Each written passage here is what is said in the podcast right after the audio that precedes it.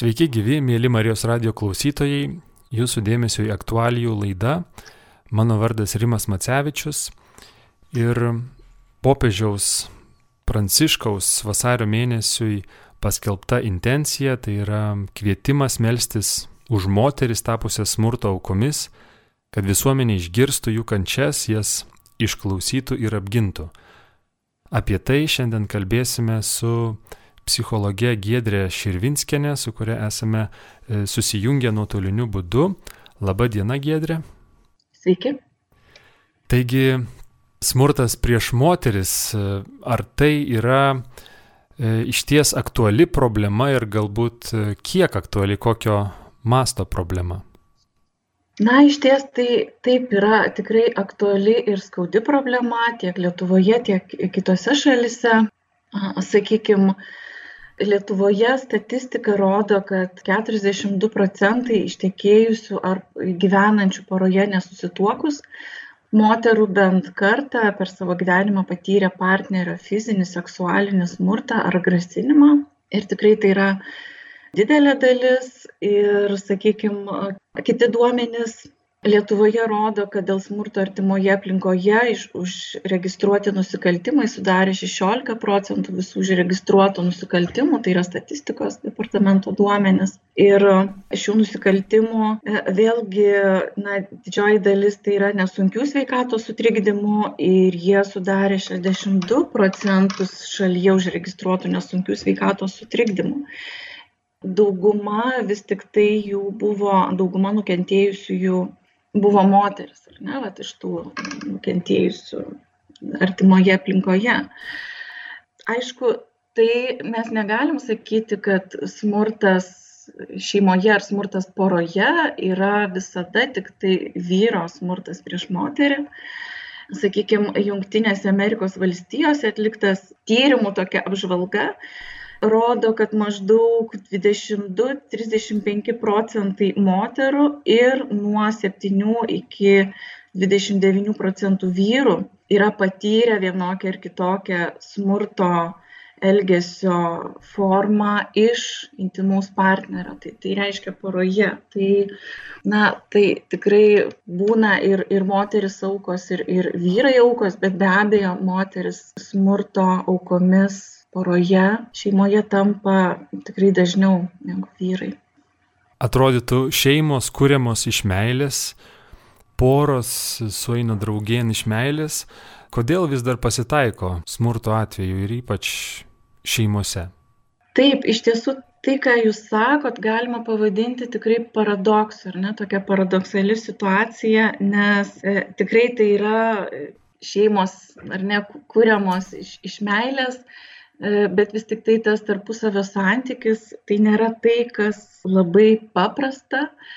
Tai žmonės į santykį atsineša savo tam tikrus sužeidimus, savo, e, savo problemas, savo tam tikrus elgesio modelius, kuriuos jie matė, e, kaip jie nebūtinai savo šeimoje, bet taip pat ir na, aplinkoje ar netgi, sakykime, internetinėje erdvėje ar per televizorių. Tai yra kokius jie bendrai elgesio modelius matė, kokius jie elgesio modelius laiko priimtinus, sprendžiant tam, tam tikras sudėtingas situacijas.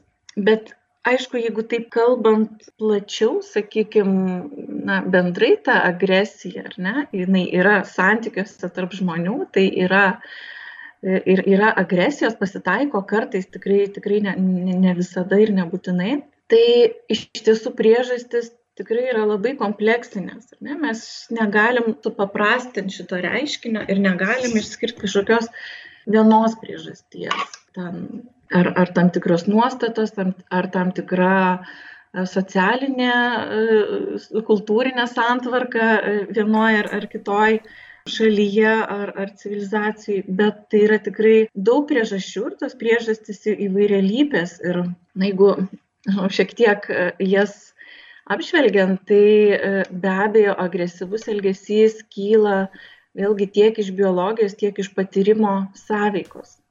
Galima sakyti, kad, kad šautuvas iš šautų reikia paspausti gaiduką ir kai kurie žmonės yra tarsi užtaisytas ginklas ir, ir reikia labai nedaug, kad jie sproktų. Tai tuo žmonės na, skiriasi ir tais tokiais biologiniais veiksniais, bet taip pat ir psichologiniais veiksniais. Tai sakykime, na, jeigu taip paminėti, kokie bendrai agresijos tokie biologiniai veiksniai, tai e, be abejo yra genetinė įtaka ir tą genetinę įtaką įrodo dvinių tyrimai, tapačių dvinių agresyvumas, tas agresyvumo lygis paprastai būna labai panašus, net jeigu jie ir ne, negyvena kartu, ar ne, tai mes vat, iš tokių tyrimų matom tą genetinę įtaką. E, vėlgi nervinių procesų įtaka, e, tai, sakykime, smurtauti linkusių nusikaltelių tyrimai rodo, kad jų kaktos skilties e, aktyvumas yra sumažėjęs ir kaktos skiltis atsakinga už impulsų kontroliavimą. Ir, sakykime, jei kaktos skilčių sistema pažeista, ar nesubrendusi, tai vėlgi agresijos tikimybė didėja. Ir nu, mes suprantam, kad tokiu atveju pakeisti kažkaip tai lengvai ar ne to žmogaus elgesi yra sudėtinga. Kita vertus yra ir biocheminė įtaka, tai yra tam tikri hormonai ar tam tikros medžiagos ar, ar alkoholis, kuris patenka į žmogaus organizmą ir, ir veikia nervų sistemos dalis, kontroliuojančias agresiją. Tai, sakykime, vėlgi vyriškas hormonas testosteronas yra siejamas su agresija ir žinoma, kad vyrai, pas kuriuos yra aukštesnis, aukštas testosterono kiekis, jie yra labiau linkę impulsyviai reaguoti, agresyviai elgtis. Tyrimai su gyvūnais nerodo, pavyzdžiui, pelės, kurios yra kastruotos, jos tampa ramios, vadinasi, ar ne, organizmas kaip ir ne, negamina to hormono, bet joms suleidus sintetinio testosterono, jos vėl tampa agresyvios. Ir žmogaus tas agresyvus elgesys jis koreliuoja iš tiesų su testosterono kiekiu. Ir tai vad būtent ir paauglių berniuko ir vyrų didelis testosterono kiekis koreliuoja su nusikalstumumu, narkotikų vartojimu, agresyve elgsena. Tai čia tokie biologiniai veiksniai, aišku, jie yra tik tai viena dalis. Jie irgi tikrai nepaaiškina. O kita grupė, vėlgi čia labai daug galim kalbėti, gal aš taip trumpai pasitengsiu. Psichologiniai veiksniai, tai vėlgi yra, na, žmogaus gyvenimo patirtis, tam tikri nemalonus įvykiai patirtos ne, traumos, jų pačių patirtas smurtas jų atžvilgiu, tai na galima sakyti laimingas žmogus brandi asmenybė nesmurtauja ar ne? Jeigu mes turim žmogų kuris elgiasi agresyviai kuris smurtauja tai yra tikrai na tam tam tikrų ir tokio psichologinio psichologinių sužeidimų pasekmė vėlgi agresijos yra išmokstama ar ne? Agresyvaus elgesio galima išmokti stebint, matant ir, ir be abejo, ypač vaikas, kai auga savo šeimoje, jis mato, tai kaip reikia spręsti tuos konfliktus, ar ne, ar, ar nesutarimus, ar, ar kumščiu, ar rėkimu, ar tiesiog susėdus ramiai ir, ir pasikalbėjus, kaip, kaip aš jaučiuosi, kaip tu jautiesi, kaip mes galėtume spręsti šitą situaciją. Tai ir iš tiesų agresyvaus elgesio išmokimą stebint, tikrai, sakykime, toks žinomas psichologas Bandūra atskleidė būtent ir tą televizijos įtaką. Tai yra kaip vaikai mėgdžioja. Jeigu jie mato daug vaizdų, kuriuose yra smurtas, jie mėgdžioja tą elgesį. Tai na, mes tikrai žinom, kiek daug aplinkoje yra smurto matoma tos bendrai agresijos priežastis, kurias jūs išvardinot, tikrai daug e, iš jų skamba, kaip čia pasakyti, kad e, tie smurta, smurtaujantis asmenys yra aukos. Ir jeigu mes kalbam apie smurtą prieš moteris, tai moteris yra aukų aukos. Tokie labai objektyvūs dalykai, kurių galbūt žmonės nepasirenka, genetiniai, e, biologiniai arba kas įdėkta vaikystėje. Tai jeigu kalbam apie smurtą prieš moteris ir šeimoje, tai smurtauja vyrai. Tai galbūt sprendžiant e, šitą problemą smurto prieš moteris taip dažnai pasitaikančio, labiausiai reikėtų dirbti su vyrais, norint mhm. išvengti kaip, kaip prevencija tokio pasireiškinčio smurto.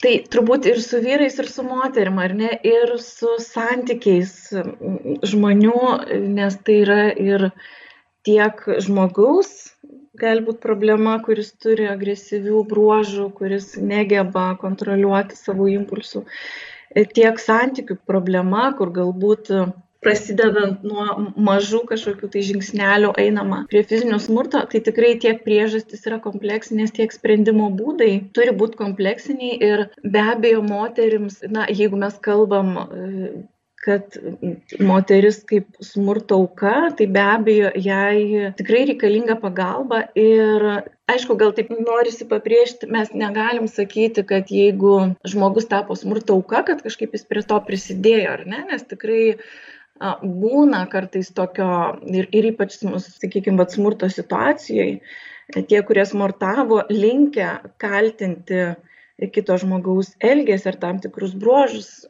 bandydami pateisinti save, sakydami, kad, na, va, jis išprovokavo, tai tikrai jokių būdų smurtas nėra pateisinamas jokiom priežastim. Tai bet pagalba reikalinga taip iš tiesų tiek, tiek moterim, kad jos tikrai padedant jom jausti saugiau, padedant jom gauti tam tikrą ir socialinį palaikymą, kad jinai neliktų viena situacijai, nes smurtaujantis žmogus stipriausias yra tada, kai auka bijo, kai auka yra viena, kai auka neturi socialinio palaikymo. Bet e, turbūt norint išgyvendinti smurtą iš, iš žmonių santykių, iš visuomenės, vis tik tai labai svarbu galvoti ir apie tos žmonės, kurie smurtauja ir taip pat jie turėtų dalyvauti tam tikrose programuose pagalbos programuose kur na kažkaip tai tikrai galėtų spręsdami savo vidines problemas mokytis tam tikrų naujų elgesio būdų taip tai ne visada įmanoma ar ne jeigu žinom kad vėlgi tas smurtas smurtas smurtui nelygus ir ir tikrai na, ne kiekvienu atveju mes galim tiek pakeisti, padėti žmogui pasikeisti, kad jis tikrai kardinaliai galėtų pakeisti tavo elgesį. Nes vėlgi tai yra kartais tikrai ir, ir psichikos e, tam tikri sutrikimai, ne, kurie, kurie taip pat čia vaidina tam tikrą rolę. Sakot, smurtas smurtui nelygus, tai gal mes galėtume kažkaip įvardinti, kaip pasireiškia smurtas prieš moteris kokios yra tokio smurto formos. E, jau tas fizinis smurtas, sužalojimas, tai yra akivaizdu, bet gal yra ir kažkokių pirminių stadijų ar netaip aiškiai matomo smurto. Taip, pasirems vat irgi vienu moksliniu tyrimu, kuris atliktas Lietuvoje, kad taip pamatyt skaičius, tai 2010 metais atlikto tyrimo duomenimis duomenys parodė, kad dažniausiai namų ūkija moteris patyrusios smurtą e, patyrė psichologinį smurtą, tai buvo apie 18 procentų atvejų. Tada 10 procentų tai buvo ekonominis smurtas, ar ne? Tai reiškia, kad na, moteris yra finansiškai e, priklausoma nuo vyro ir tokioje situacijoje naudojama ta ar negale, sakykime, ne, neduodami pinigai, na, jeigu moteris neturi savo, savo pajamų šaltinio. Ir fizinis buvo 4,5 procentų respondenčių, tai, na, matom, kad tikrai tos rūšys yra vairios, be abejo, dar yra ir seksualinis smurtas. Tai tikrai tos, na, rūšys įvairios, bet visada tai yra e, tiek gali būti tiek žodinis ar, ar fizinis elgesys, kuriuo žmogui padaroma didžiulė žala, jis yra įskaudinamas, e, sužeidžiamas. Taip pat kalbant apie smurtą e, santykiuose, vėlgi yra, na, toksai, tai yra procesas, ar ne, yra toks taip vadinamas smurto ratas. Tai yra tas smurto ratas susideda iš E, keleto etapų. Tai nėra tiesiog, kad be jokio konteksto, ar ne, smurtas atsiranda vieną kartą buvo ir, ir jisai išnyks, ne, bet iš tiesų yra labai svarbu atpažinti tą smurto ratą, kur jau prasideda tas procesas, kuris paskui e, pereina į smurto proveržį. Tai, sakykime, pirmoji smurto rato fazė tai yra auganti įtampa, kur smurtą naudojantis asmuo pradžioje tiesiog dažniau na vat kyla tame santykyje įtampa galbūt tam tikras užgauliojimas, stengimasis izoliuoti auką, kad jinai kuo mažiau bendrautų su, su aplinka. Kaip sakiau, na, smurtaujančiui yra labai svarbu, kad auka būtų kiek įmanoma daugiau izoliuota, kad jinai neturėtų socialinio palaikymo, kad jinai niekam ne, ne, nesakytų, kas vyksta. Ir na, tokie maži incidentai, įtampa a, santykiuose auga, aišku, auka stengiasi kažkaip tai vengti, ar netų situacijų vengti, išprovokuoti, sakykime, vyro pykti, bet na vis tiek ta įtampa auga, tos situacijos nėra išvengiamos ir tada kažkada prieinama prie antrosios fazės, tai yra smurto proveržio, kada iš tiesų įtampa pasiekia viršūnę ir smurtautojas panaudoja smurtą. Ir tas smurto proveržio trukmė gali e, trukti nuo keleto minučių, bet jinai gali trukti ir, ir, ir ilgiau. Ir jau po šitos fazės prasideda trečioji fazė, na tokia švel, švelnumo fazė, dar vadinama medaus mėnesio fazė, kada skriaudėjas pradeda atsiprašinėti, supranta, kad nuėjo e, per toli, pradeda žadėti, kad pasikeis, kad viskas mes susitvarkys, va tai yra vėlgi tas toks tarsi gražų santykiai prasideda ir auka, na, vėlgi dažniausiai patikė, ar ne, ir, ir na, tarsi nusprendžiama bandyti dar, dar kartą, bet ilgainiui tas smurto ratas iš tikrųjų tos fazės trumpėja ar ne ir, ir smurtas jisai linkęs stiprėti, na, jeigu nėra iš tikrųjų kažkokių tai pokyčių, pagalbos, jeigu neieškoma pagalbos, neieškoma išeičių, jeigu na, neieškoma, kaip išeiti iš to rato. Tai va toks tarsi užburtas ratas, iš kurio tikrai patiems gali būti sunku išeiti. Minėjot, kad ir smurtautojo tikslas yra, kad auka būtų kuo labiau izoliuota. Ir pasitaiko taip, kad moteris nesikreipia pagalbos, kai patiria smurtą. Kodėl? Kodėl nesikreipia, kodėl neieško pagalbos, ar jinai yra sunkiai prieinama, o galbūt yra kitokios priežastys? Aš gal sakyčiau, didžiausia pagrindinė tokia priežastis tai yra baime ir ta baime, na, gali, jinai tokia tiek dėl vidinių priežasčių, tiek dėl išorinių. Ne, iš tiesų moteris galvoja, kas vyks po to, jeigu aš kažkam pasakysiu, jeigu vyras sužinos ar, ar partneris sužinos, kad pasakiau, yra ta baimė, kad smurtas dar labiau padidės ir, ir be abejo būna atveju tikrai, kai na, yra to daug įbauginimo ir, ne, ir, ir grasinimo taip pat čia gali būti, kad jeigu tu kažkam pasakysi, tai galbūt bus dar blogiau, bus, bus, bus tas ir tas. Bet iš tiesų tai yra pagalba, yra, yra, yra organizacijos, tik tai moteris na labai svarbu kad e, tikrai ieškotų tos pagalbos ir būtų ne viena ir jau būdama ne viena ar ne besikreip, besikreipusi pagalbos, sakykime, na, vat, ieškotų, e, kokie tie, tie būdai. E, galų gale tikrai dabar yra, tikrai reaguojama į smurto atvejus ir yra ir, na, esant reikalų, ir, ir, ir kardomosios priemonės, tikrai, kad, kad suteikti tą saugumą.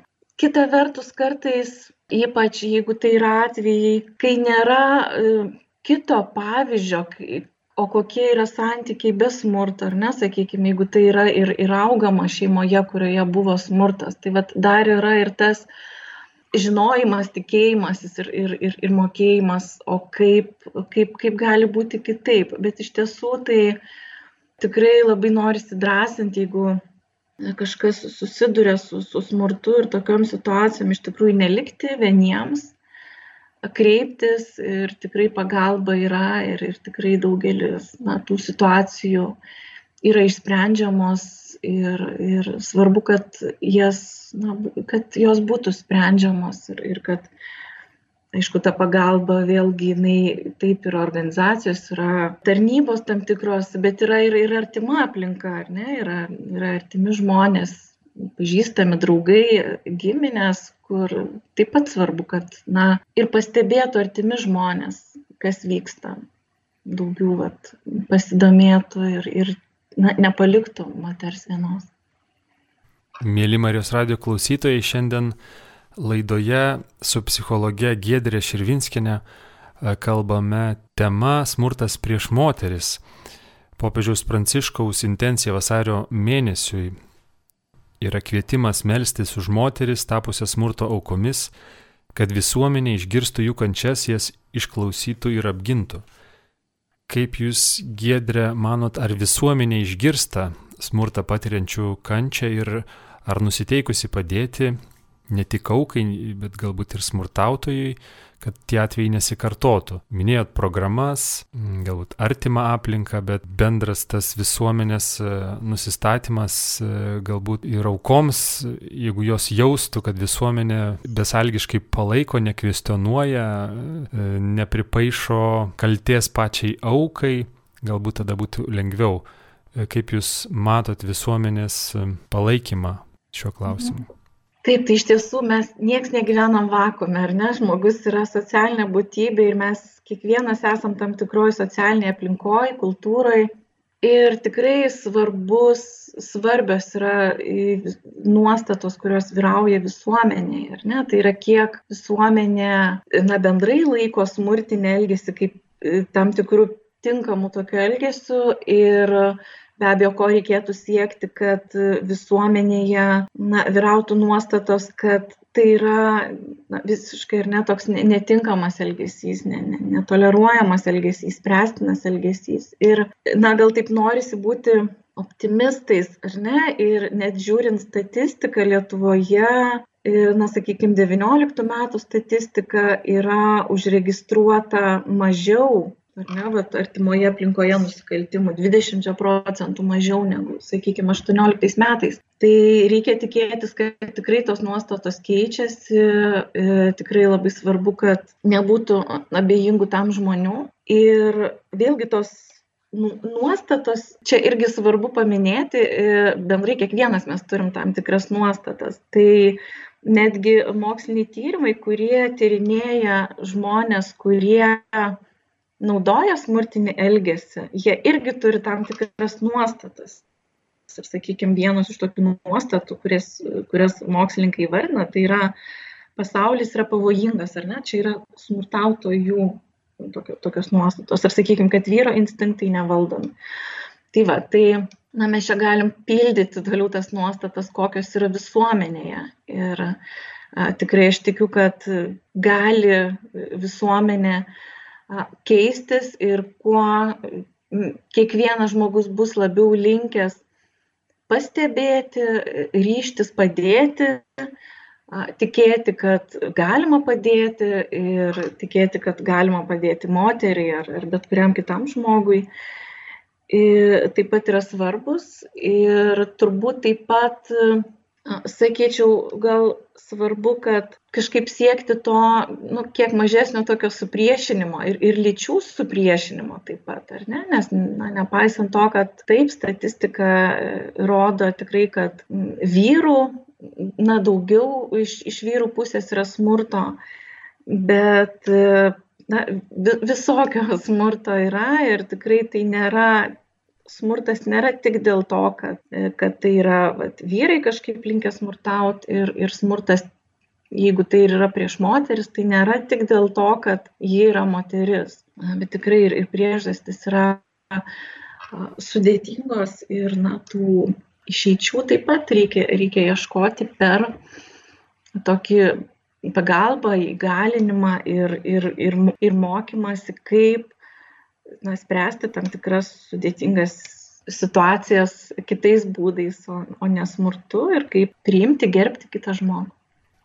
Taip, iš tiesų mokymas, e, nuostatos, organizacijų pagalba ir programos įvairi kitokia prevencija yra svarbi, e, kadangi esame Marijos radio eteryje. E, norėtųsi paklausti, kaip Jūs manot, kokią reikšmę smurto prevencijai turi šeimos tikėjimas, bendra maldos praktika šeimoje, ar, ar tai gali atitolinti ir gydančiai ar prevenciškai e, veikti, kad smurto atvejai nepasikartotų ir nepasitaikytų. Tai aš manau, kad be abejo taip ir, ir tikrai tikėjimas, jeigu šeima turi tikėjimą, ypač jeigu visa šeima turi tikėjimą, ar ne, ne, ne kažkuris vienas asmuo, tai tikrai yra didelis, didelė stiprybė šeimoje, didelis turtas, kurį tikrai reikia ir, ir branginti, ir auginti. Ir vėlgi, kuo daugiau šeima, na bendrai turi tokių teigiamų praktikų ar ne, pozityvaus tiek bendravimo, tiek, tiek bendros veiklos e, praktikų, tuo mažiau vietos lieka tam tikrom destruktyviom e, praktikom. Kita vertus, tikėjimas, e, iš tiesų tikėjimas keičia, keičia kiekvieną žmogų ir tikrai tai daug pasako ir apie tai, kaip, ką, ką žmogus, kaip žmogus supranta pasaulį, gyvenimą, kaip žmogus supranta santykius tarp žmonių. Ir manau, kad tikrai jeigu tikėjimo būtų daugiau, tai turbūt ir, ir gražių santykių būtų daugiau. Tikrai, kaip sakau, susiję ir su žmogaus vertybėm, ir, ir su žmogaus požiūriu į vienas kitą į santykius. Laidai baigiantis, galbūt galėtume paminėti bent kelis konkrečius e, variantus, kur gali kreiptis smurtą patiriančios moteris, į kokią organizaciją, kokį galbūt telefoną ar, ar kokį būdą galėtų naudoti. Aišku, turbūt mes visų neišvardinsim, bet galbūt jūs galėtumėt kažką patarti konkrečiai. E, na, yra e, telefoninės linijos, tai yra pagalbos moteriams linija, kur tikrai galima skambinti ir, ir, ir anonimiškai kalbėtis. Be abejo, jeigu tikrai yra fizinis smurtas ir, ir yra nesaugu, ar ne, tai tikrai svarbu kreiptis ir, ir pagalbos į pagalbos liniją, tai na, 112 bendrai pagalbos telefoną iš tiesų, kad apsaugot save ar kitus šeimos narius. Uh, yra įvairios organizacijos. Lietuvoje aš gal net neapsiribočiau kažkaip viena viena ar keliomis. Tai tikrai kurios teikia kompleksinę pagalbą Šeimoms, moteriams e, yra organizacijos, kurios teikia specializuotą pagalbą būtent moteriams, yra organizacijos, kurios teikia kompleksinę pagalbą šeimoms, tai yra tikrai dabar daugelį savivaldybių Lietuvoje vykdomos ir bendruomeninių šeimos namų projektas, kur e, daug yra paslaugų tiek individualiai asmenims, tiek, tiek visai šeimai, kalbant apie santykius. Svarbu kreiptis, e, ieškoti tos pagalbos, kuri yra prieinama, konkrečios pagalbos ir e, manau tikrai svarbu mums kaip tikintiems pasinaudoti ir šiuo popiežiaus kvietimu, popiežiaus pranciškaus vasario mėnesio intencija, kviečianti melstis už moteris tapusias smurto aukomis, kad visuomenė išgirstų jų kančias, jas išklausytų ir apgintų, tikėdami maldos gale veiksmingumu. Ir čia yra kviečiami visi tikintieji melstis. Mėly Marijos radio klausytojai, primenu, kad šiandien su psichologe Gedrė Širvinskienė, su kuria buvom susijungę nuotoliniu būdu, kalbėjomės tema smurtas prieš moteris pagal vasario mėnesio popiežiaus intenciją. Dėkoju Jums, Gedrė, ir taip pat Jums, mėly Marijos radio klausytojai, uždėmesi. Likite ir toliau su Marijos radiju. Sudie. Sudie.